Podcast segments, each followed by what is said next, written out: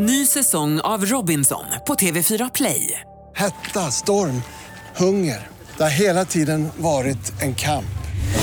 Nu är det blod och tårar. Fan händer just nu. Det. är Detta är inte okej. Robinson 2024, nu fucking kör vi!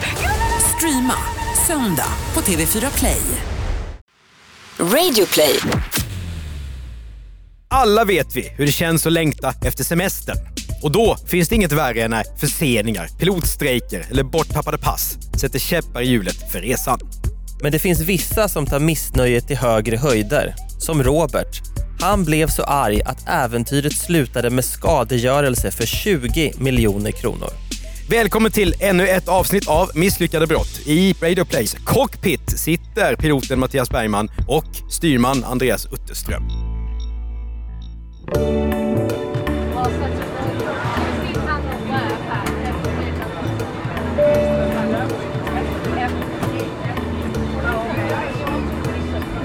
Det är våren 1990.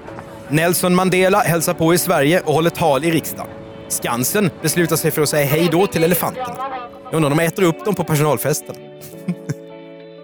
och Christer Pettersson, först fälld och sedan frikänd för mordet på Olof Palme, får 300 000 kronor i skadestånd för att han suttit häktad för brottet i tio månader. Och om några veckor, sommaren 1990, då kommer herrlandslaget i fotboll att lyckas med konststycket att åka ut redan i gruppspelet i VM genom att förlora med 1-2, 1-2, 1-2. Inte ens Costa Rica klarar Olle Nordin, Thomas Ravelli, Glenn Hussein, Jonas Tern och de andra av att slå. Är det här som Glenn säger, eh, nu ska jag bli så jävla full i midsommar? Det här var kuken, nu ska jag Ja. supa mig full på midsommar. Ja, jag tror det. Det är väl det va? Mm. Men han är ju så fruktat snygg vid den här tiden, Glenn. Ja, det är många De här- som är i det här laget, men det hjälpte inte. ja. Det här kan svenska folket inte ana ens i sin vildaste fantasi. Allra minst 19-årige Robert i Luleå. Han har nämligen tankarna på helt annat håll. På varma sandstränder. Den 25 maj 1990 slutar han jobbet redan klockan 12. Robert hyr några videofilmer, dricker två folköl och köper sedan ytterligare åtta burkar öl. Därefter hälsar han på sin bror, köper ytterligare tio nya öl och går till bankomaten och tar ut 4 000 kronor. Som man gör höll jag på att säga, men det är det ju inte. Men nu är Robert trött på skiten helt enkelt. Det är visserligen maj månad, men Luleå är trots allt Luleå. Och nu får det vara nog. Så Robert åker hem igen, hämtar sitt pass och tar därefter taxi ut till Luleås flygplats. Han ska åka till Mallorca. Till sandstränder, gröna paraplydrinkar, lambada och geggiga buffébord. Men Robert har inte köpt någon biljett i förväg. Det har han tänkt fixa på flygplatsen. Allt för en behaglig resa hittar du i vår taxfree. Väl där går han fram till SAS biljettkassa. Han vill ha en flygbiljett till charterplanet som avgår samma kväll. Men det blir nobben. Robert går då istället till Vingresos representant. Han berättar att hans föräldrar redan åkt ner till Mallorca och att han nu har tänkt att ansluta. Efteråt berättar Robert dock att det hela är ett infall och inte alls har någonting med hans mamma att göra. Att han aldrig varit på charterresa förr ens och inte ens flugit tidigare. Men nu stöter Robert på patrull igen. För Vingresos säljare bakom disken har ingen lust att hjälpa till. Han noterar nämligen att Robert är så berusad att det skulle innebära en säkerhetsrisk att låta honom kliva ombord. Men säljaren vill inte riktigt spela med öppna kort. Så han ljuger och säger att planet är fullt. Det här gillar inte Robert som står på sig. Och vad du menar med det, det kan jag mycket väl förstå. Säljaren låtsas då att han på sin dator kollar efter platser igen, men meddelar för andra gången att planet är fullt. Finns det inte något väldigt svenskt i det här när man låtsas kolla någonting på en dator Jo, jo, jo. för att kunna säga att det inte... Klassiskt knep. Ja. Robert blir inte glad. Enligt egen utsago blir han sur och ledsen. Vingresos säljare uppfattar honom snarare som arg och pockande. Pockande är ett uttryck man hör sällan. Ja, inte ens 1990 tror jag. Nej, det var väldigt intressant. Det framgår i alla fall ganska väl hur den här situationen nog är. Ja, Hur som helst så lämnar Robert huvudentrén till flygplatsen, tar en öl och planerar att åka hem igen. Men sen är det något som händer. Efteråt är det omöjligt att reda ut hur idén kommer till honom, men Robert får syn på ett flygplan som står ute på banan. Det är inte charterplanet han misslyckats med att köpa biljett till, utan ett betydligt mindre plan. en Saab 340 som kan ta 30 till 35 passagerare. Och du som gillar flygplan, kan du beskriva det här planet? Ja, det är lite Indiana Jones, men det säger jag om nästan alla plan här i Misslyckade brott. Men det här är ju... Jag tror att om man har liksom bilden av en privatjets storlek, som brukar vara en Gulfstream, då är det ungefär samma size. Mm. Eftersom det här planet då är helt obevakat så får Robert nu en vild idé. Tänk om han kan låna planet för att flyga till Mallorca på egen hand. Hur svårt kan det vara egentligen? Och det är väl när vi skriver den meningen som det börjar bli, bli misslyckade brott. Det är nu det börjar ta fart på allvar, den här storyn. Ja, det är så att den här sista ölen som han tar ute på baren där i Luleå, i flygplatsen, det, den var ju inte bra. Den var inte bra nu. Nej. Och det är ju alltså nummer... Eh, Ja, om man druckit mellan, 15, alla så är mellan det 15 och 20 då, om man har druckit. det är ju Nej, det. ännu mer kanske till och med. 10, 8... Det är för många öl. Ja, alldeles för många. Men vad som händer nu, det är inte riktigt helt klarlagt. Enligt åklagaren går det till så att Robert går ut från flygplatsbyggnaden, klättrar över ett 2,3 meter högt stängsel. Alternativt går in genom en olåst grind. Ut på plattan där flygplanet står så kommer han i alla fall. Fortfarande utan att någon har sett honom. Eftersom kabindörren står öppen och trappan till flygplanet är nedfälld så är det bara för Robert att kliva rakt in i planet. Han sätter sig långt bak i kabinen och dricker en öl. Ja, då har han med sig ölen där också. Jag antar det. Ja. Eller om man plundrar minibaren. Undrar man, jo, det gör han också faktiskt. Mm. Kanske blundar nu Robert och tänker på det som väntar honom. De långa stränderna, kvinnorna i för lite kläder och ännu mer iskall öl. Efter en stund flyttar Robert framåt i planet. Han sätter sig i cockpit och börjar röra på lite olika reglage. Han rotar runt inne i planet utan att riktigt veta vad han sysslar med. Lite som när en tvååring leker runt i mammas och pappas bil. Bra liknelse. Robert drar ut alla lådor i den lilla bardelen och i cockpit. Han lyckas också aktivera brandsläckaren i ena motorn. Ja. Alltså ibland på filmer så är det ju så här att eh, någon amatör får ta över ett plan som håller på att krascha och då pratar de ner en från, från tornet. Och det ska man ju veta att det går ju inte till så i verkligheten. Men jag skulle precis Och flyga är ju svårt. Du har ju flugit, du har fått testa en sån här väldigt verklighetstrogen simulator. Ja, det var den. Ja. Skulle du kunna få upp ett plan? Gud nej! Inte ens nära? Nej, nej. Det finns inte en chans. Skulle du kunna landa då med Nej, nej, hjälp av... nej. nej. Men kan inte autopiloten göra nästan allt? Autopiloten kan idag göra jättemycket i ett modernt Så om plan. någon sa åt dig att sätta på autopiloten, vad skulle du behöva göra då för att kunna ta ner planet? då? Ja, men jag måste kunna flyga. För att start och landning kör de aldrig på autopilot. Okej. Enligt, jag vet inte om det är enligt regler eller om de piloter gillar att flyga lite ibland. Ja. Nej, men jag skulle aldrig ge mig på det. Och Det beror på att man snabbt när man sätter sig i den där eh, cockpit så inser man att man kan reglera precis allting på ett flygplan och lite till. Så man måste ha väldigt mycket koll på massor med simultana saker. Det handlar om tryck på varje motor och, och eh, hastigheten och allt sånt där. Alltså det är ju väldigt mycket. Du vet skillnaden från en bil är ju också att ett flygplan är ju i luften. Så det kan röra sig åt precis alla håll om du vill det. Så Robert, han har tagit sig lite vatten över huvudet här kanske? Väldigt mycket. För att inte säga att han tagit sig öl över huvudet, inte minst. Vi är denna vecka sponsrade av Best Secret, en modesajt på nätet med exklusivt mode superrabatterat. Andreas, vi har haft sponsor av dem tidigare. Ja, jätteroligt att de är tillbaka för här kan man nämligen få upp till 80% rabatt. Och Det finns över 3000 varumärken eh, både från årets och förra årets kollektioner. Ja. Du och jag har ju handlat båda två för den här sajten förut och jag har ju Mm. köpt ganska mycket skjortor, även en pyjamas, men ganska dressade saker. Men eh, på Besecret har ju också en hel del sportkläder.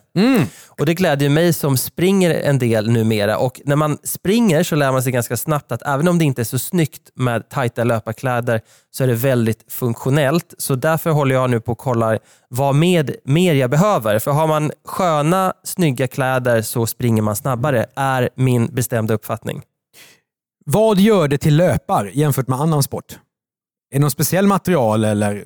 Ja, men det är ju olika funktionsmaterial. det, är, det är ju mycket syntetmaterial och, och eh, sånt. När jag började springa så hade jag ju så här fladdriga bomullsplagg. för att jag tyckte det var obehagligt med sånt som satt åt. Men det märker man ganska snabbt att det är ju fullständigt vansinne. Så att just nu så är jag ganska sugen på en ny träningsjacka från Puma sitter jag och tittar på och Kanske behöver jag också ett par nya strumpor eller en eh, funktionspikétröja från Peak Performance. Vad är se. för rabatt det här då vi pratar om?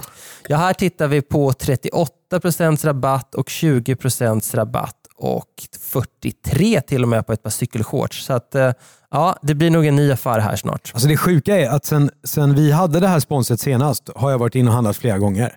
Och Nu har jag liksom börjat vänja mig vid den här röda siffran. Man vill inte riktigt köpa de här märkena till fullpris längre. Nej, verkligen inte. Man blir bortskämd med de här eh, fina rabatterna. Kruxet här Andreas är ju att det kräver ju en inbjudan från en annan medlem för att man ska kunna handla. Ja, men det är ju inget krux eh, om man lyssnar på misslyckade brott. Därför att då går man bara in på bestsecret.se misslyckade brott. Precis, och då får man genast eh, inlogg så man kommer in på sajten och kan handla. Tack Best Secret! Ny säsong av Robinson på TV4 Play. Hetta, storm, hunger. Det har hela tiden varit en kamp. Nu är det blod och tårar. Fan händer just det. Det är detta inte okej. Robinson 2024, nu fucking kör vi! Streama söndag på TV4 Play. Ett poddtips från Podplay. I fallen jag aldrig glömmer djupdyker Hasse Aro i arbetet bakom några av Sveriges mest uppseendeväckande brottsutredningar. Går vi in med hemlig telefonavlyssning och, och då upplever vi att vi får en total förändring av hans beteende. Vad är det som händer nu? Vem är det som läcker? Och så säger han att jag är kriminell, jag har varit kriminell i hela mitt liv men att mörda ett barn, där går min gräns. Nya säsongen av Fallen jag aldrig glömmer på Podplay. Snart är det i alla fall dags för Robert att ge sig iväg. Mallorca är ju bara några timmar bort. Men istället för att lyfta mot Spanien så lyckas Robert fälla in landningsställen. Något som kräver att man först drar en spak nedåt och sen slår på ett reglage. Det här minns jag också precis från den här simulatorn. Och Det här får då flygplanets framdel att braka rätt ner i marken. Eftersom ett Saab 340 väger 12 ton så blir det följaktligen en ordentlig smäll. Nu är det kört, tänker en rädd Robert. Han försöker på alla sätt få upp planet på benen igen, men det går inte. Självklart inte. Han försöker i alla fall. Men alltså, fatta vilket liv det här måste ha gjort. Alltså att smällen. Ja, det är ju, dessutom han hade ju kunnat säkert eh, åtminstone skada sig ordentligt. Men eh, personalen på flygplatsen reagerar självklart. En av SAS flygtekniker berättar senare hur han får höra att ett plan har fallit ihop. Han springer då ut och ser att en okänd man sitter i cockpit på det lilla Saab-planet. Flygteknikern vet inte hur han ska reagera. Vad är det som händer egentligen? Är det en terrorist som ska kapa planet? En kollega som fått spel? Eller någon som har rymt från psyket? Till slut är det i alla fall någon som har sinnesnärvaro nog att ringa polisen. Eftersom personalen på flygplatsen inte vet om mannen är beväpnad, förvirrad, tokig eller alla tre samtidigt så måste de avvakta. Det gör de under stigande panik. För de befarar att en katastrof är på väg att hända. En flygspeditör ser nämligen hur Robert sitter i cockpit och röker en cigarett. Det är för att lugna ner sig då kanske. Jag blev rädd eftersom det rann flygbensin ur det kraschade planet. Vi uppmanade honom att gå ur men han påstod att han var beväpnad och viftade med en cigarettändare. Så säger flygspeditören senare till tidningen Svenska Dagbladet. Flygteknikern berättar att han ser hur Robert lämnar cockpit och ställer sig i dörröppningen. Ska han äntligen komma ut ur planet nu då? Nej, Robert meddelar istället att han är beväpnad och har gisslan ombord. Möjligen säger han också att han ska flyga till Mallorca. Efter en stund kommer polisen till platsen. Eftersom Robert har sagt att han är beväpnad tvingas man ta det säkra före det osäkra. En polishund släpps lös. Robert har krupit längst bak i planet för att gömma sig, men det hjälper inte. Robert blir biten av polishunden och inser att det nu är lika bra att ge upp. Någon resa till Mallorca blev det inte den här gången. Han går genom bagageluckan ut och grips av polisen. De inser snabbt att den här 19-åringen är alldeles för berusad för att ens kunna förhöras. Han körs istället till en fyllecell i Luleå för att nyktra till. Han är så ung, 19, då har man ju precis gått ut gymnasiet. Ja. Om man har gått det. Ja, det här är, det är mörkt avsnitt det här. Ja, det är ju det. Och klockan tre på natten, då blir det dags för förhör. Robert säger att han med säkerhet trodde att han skulle kunna flyga planet till Mallorca. Trots att han inte bara var väldigt berusad utan också saknar flygcertifikat. I sin iver att lyfta mot de Baleariska öarna har Robert testat det mesta som cockpit haft att erbjuda. I förhöret berättar 19-åringen också att när flygplanet smällde i backen trodde han först att det for framåt, att han lyckats få igång det. Han drar ett reglage på en spak och då tror han att han har startat Jajamän. ett plan. Jajamän. Mm, nej du Robert. Polisen släpper Robert men han är fortfarande misstänkt för brott. Och det är efter att baksmällan har släppt som den verkliga ångesten slår till. Robert är nämligen misstänkt för luftfartssabotage. Det är första gången i misslyckade brott. Verkligen. Ja. Och det här brottet kan ge upp till fyra års fängelse. Att vara otrevlig mot personal på flygplatsen och klättra över stängsel, det är en sak. Men det verkligt allvarliga är skadegörelsen.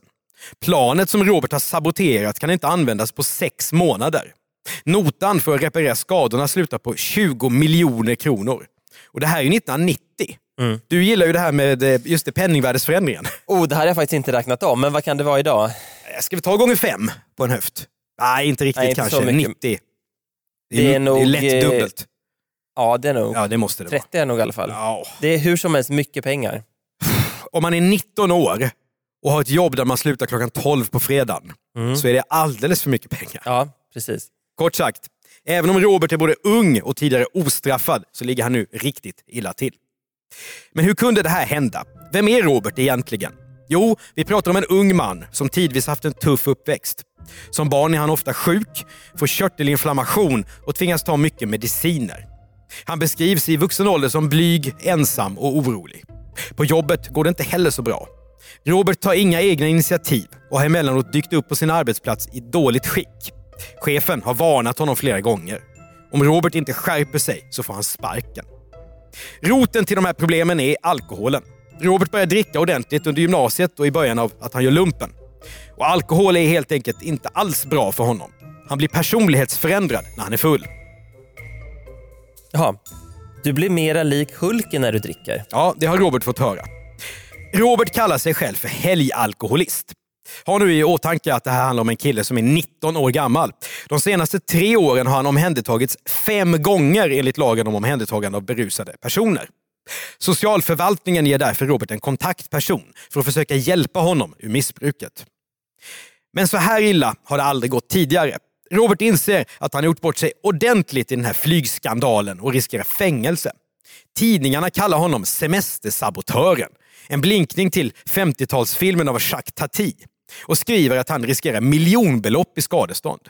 Jag var full och gjorde en dumhet, men det var inget uttänkt sabotage. Det var mer en olyckshändelse.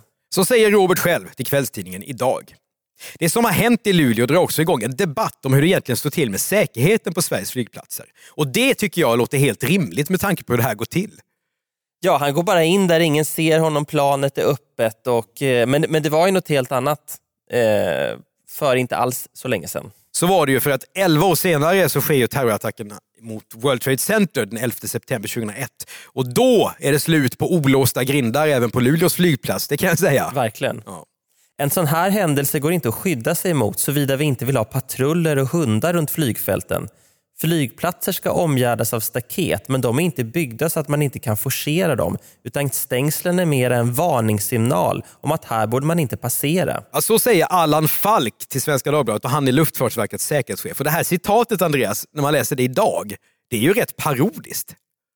Det är ju inte jättebra att säga det där rent ut. Att, att det går bara i princip ta en bil och bara köra rätt igenom. Men att stängsel på en flygplats är en varningssignal snarare än... Alltså, det, det, jag tror inte att någon säkerhetschef på Luftfartsverket skulle säga så här idag. Nej, och jag för mig att han också är avgående säkerhetschef när han gör detta uttalande. Aj du. Robert bryr sig inte om Allan Falk, för han har nog med sitt i alla fall. I väntan på rättegången halverar han sitt drickande och isolerar sig i lägenheten. Han blir av med jobbet och lever på a-kassa. Robert hoppas bara att han ska slippa sitta inne och istället få vård för att kunna sluta med sitt beroende. I tingsrätten ändrar han sin historia lite grann jämfört med det som sades under det första förhöret som skedde klockan tre på natten efter att han gripits. Nu berättar Robert att syftet med att gå ombord på planet inte var att själv flyga det till Mallorca utan att gömma sig ombord som fripassagerare. Det är inte plausibelt. Inte riktigt. Det där planet skulle kunna stå i två veckor utan att Ja, ja. ha några flygtimmar. Och I hovrätten då ifrågasätter Robert om han verkligen klättrat över stängslet eftersom han då, på grund av taggtråden som sitter högst upp, borde ha upptäckt skador på sig själv dagen efter. Han backar också från att det var Mallorca som var målet. Robert menar att han nog har hamnat på planet av en olyckshändelse. Eller som han själv säger i rätten. Man gör inte bara så här. Jag är beredd att hålla med Robert, däremot så tror jag inte riktigt på hans utsagor. Nej, men det är klart att han är ju mån om att visa att han inte haft uppsåt. Eh, för att han tänker väl att han ska få ett eh, lindrigare straff då. Men det tror jag rätten nog tänker ändå att en 19-åring, eh, vanlig 19-åring är ju inte ute efter att sabotera för ett flygbolag. Verkligen inte. Trots det så hjälper ju de här förklaringarna och bortförklaringarna föga. Luleå tingsrätt dömer Robert i december 1990 till tre månaders fängelse och skyddstillsyn. En dom som hovrätten för övre Norrland sedan fastställer. Det är intressant att han ändå får fängelse. Han är 19 år gammal. Mm. Han är 20 när rättegångarna eh, äger rum, men det spelar ingen roll för det är hur gammal man är när brottet begås som man ska ta hänsyn till. Tidigare ostraffad. Eh, och Då brukar ju domstolarna försöka undvika fängelse för att man tycker att det, det leder liksom ingen vart. Men det som gör att han ändå måste sitta inne det är att han eh, har bidragit till skador för 20 miljoner kronor. Det är summan alltså. Det är summan ja. Och, eh, och att det har skett på en flygplats. Men sen så, Mm. så får han ju också, den här skyddstillsynen beror, eh, den består ju av vård för drickandet. Mm, just det. Så, så domstolen fattar ju också att om den här personen slutar dricka och låter bli alkohol så kommer det här inte hända igen. Mm. Jag tänker också på den så kallade allmänpreventionen. Det vill säga att straff ska, ska eh, signalera till resten av samhället att det är inte okej som det heter. Mm. Och med tanke på att det här är en flygplats, men det finns ju gigantiska risker. Ja, så är väl det rätt rimligt ändå med fängelse, även om han är så ung. Ja. Hur går det då för Robert sen? Jo, han skriver in sig på ett behandlingshem och påbörjar en antabusbehandling. Han skäms över det som hänt och inser att missbruket måste få ett slut.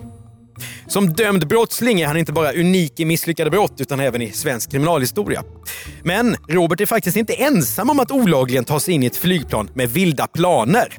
För redan 1984 döms Valle, en 30-årig man, till sex månaders fängelse för bland annat obehörigt förande av luftfartyg. En, en brottsrubricering som jag aldrig har hört tidigare. Nej, den är helt otrolig faktiskt. Och bakom den historien så döljer sig... Men vänta, det är Ja. alltså, man kan säga att det är olövlig, olovlig körning eh, uppe i luften. Ja, det är... Typ. Jag är inte jurist, men det Nej. låter rimligt. Valle har på nyårsafton 1983 Nyårsafton Andreas. Lyckats ta sig in i Hagshults flygplats i Värnamo. Där har han tjuvkopplat ett enmotorigt Cessna-plan som är värt 160 000 kronor och flugit planet till Sturups flygplats i Malmö. Vänta, jag är ändå lite fascinerad över att han lyckas tjuvkoppla en Cessna. Jag trodde ju att tjuvkoppla kan man möjligen göra med bilar, inte flygplan. Ja, ingen an- aning heller. så han vet ju vad han håller på med. Först kan han tjuvkoppla planet och sen kan han ju, till skillnad från Robert, faktiskt flyga det från Värnamo till Malmö.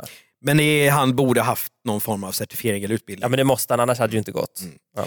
Och från Sturup så har Valle då tänkt att övernatta och sen fortsätta utomlands för att söka politisk asyl i ett land där han känner sig välkommen. Men istället så åker han fast. Om Robert i Luleå lät sig inspireras av Valle nere i Skåne, det har vi inga uppgifter om. Och inte heller vet vi om Robert sökte politisk asyl i Spanien för att till slut ändå kunna göra sin semester på Mallorca. Du har hört ett avsnitt av Misslyckade brott av Andreas Utterström och Mattias Bergman, exekutiv producent Jonas Lindskog. Vi gör även Jag var där och Misslyckade affärer för Podplay. Dessutom gör vi podden Världens bästa innehåll som handlar om världens bästa kommersiella innehåll som vi sysslar med i vår specialistbyrå för innehåll, commercial content. Prenumerera och betygsätt gärna på podden så är det fler som hittar till den. Och Andreas, tipsa oss! Ja, därför att utan alla tips från er snälla och uppmuntrande lyssnare så hade det inte blivit någon sjätte säsong. Så ni får väldigt gärna fortsätta om ni hittar någonting som ni tycker att vi ska berätta om genom att mejla oss på Mm. mejladress. Misslyckade at bplus.se.